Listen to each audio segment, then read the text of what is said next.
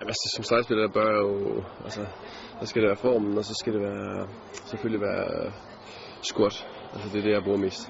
Fokus var klart for stregspilleren Jesper Nødesbo, da han og alle de andre håndboldherrer forleden var samlet for at teste deres form. Første udfordring var agility-banen, der skulle teste spillernes hurtighed. Agility-banen, det var, det var noget nyt, så jeg synes, det var okay. Uden at gå i detaljer lød konklusionen på første øvelse sådan her.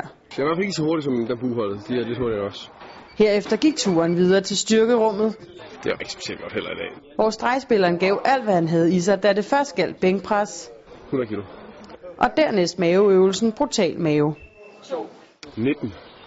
Ikke helt nok. Jeg vil gerne slå Mikkel, men det kan jo ikke også gøre. Dagens sidste øvelse sendte håndboldherrerne ud på en 3 km løbetur, som hvis for stregspillerens vedkommende ikke holdt sig under de beregnede 12 minutter.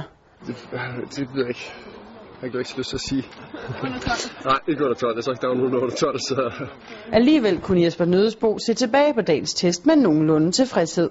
Der er faktisk ikke rigtig nogen resultater, som jeg er sådan øh, specielt tilfredse med. Men øh, tidspunktet til betragtning, så må jeg nok indse, at så bør jeg nok være tilfreds. Og så glædes over, hvad der venter forud, inden det går løs på håndboldbanen igen. Godt sommerferie.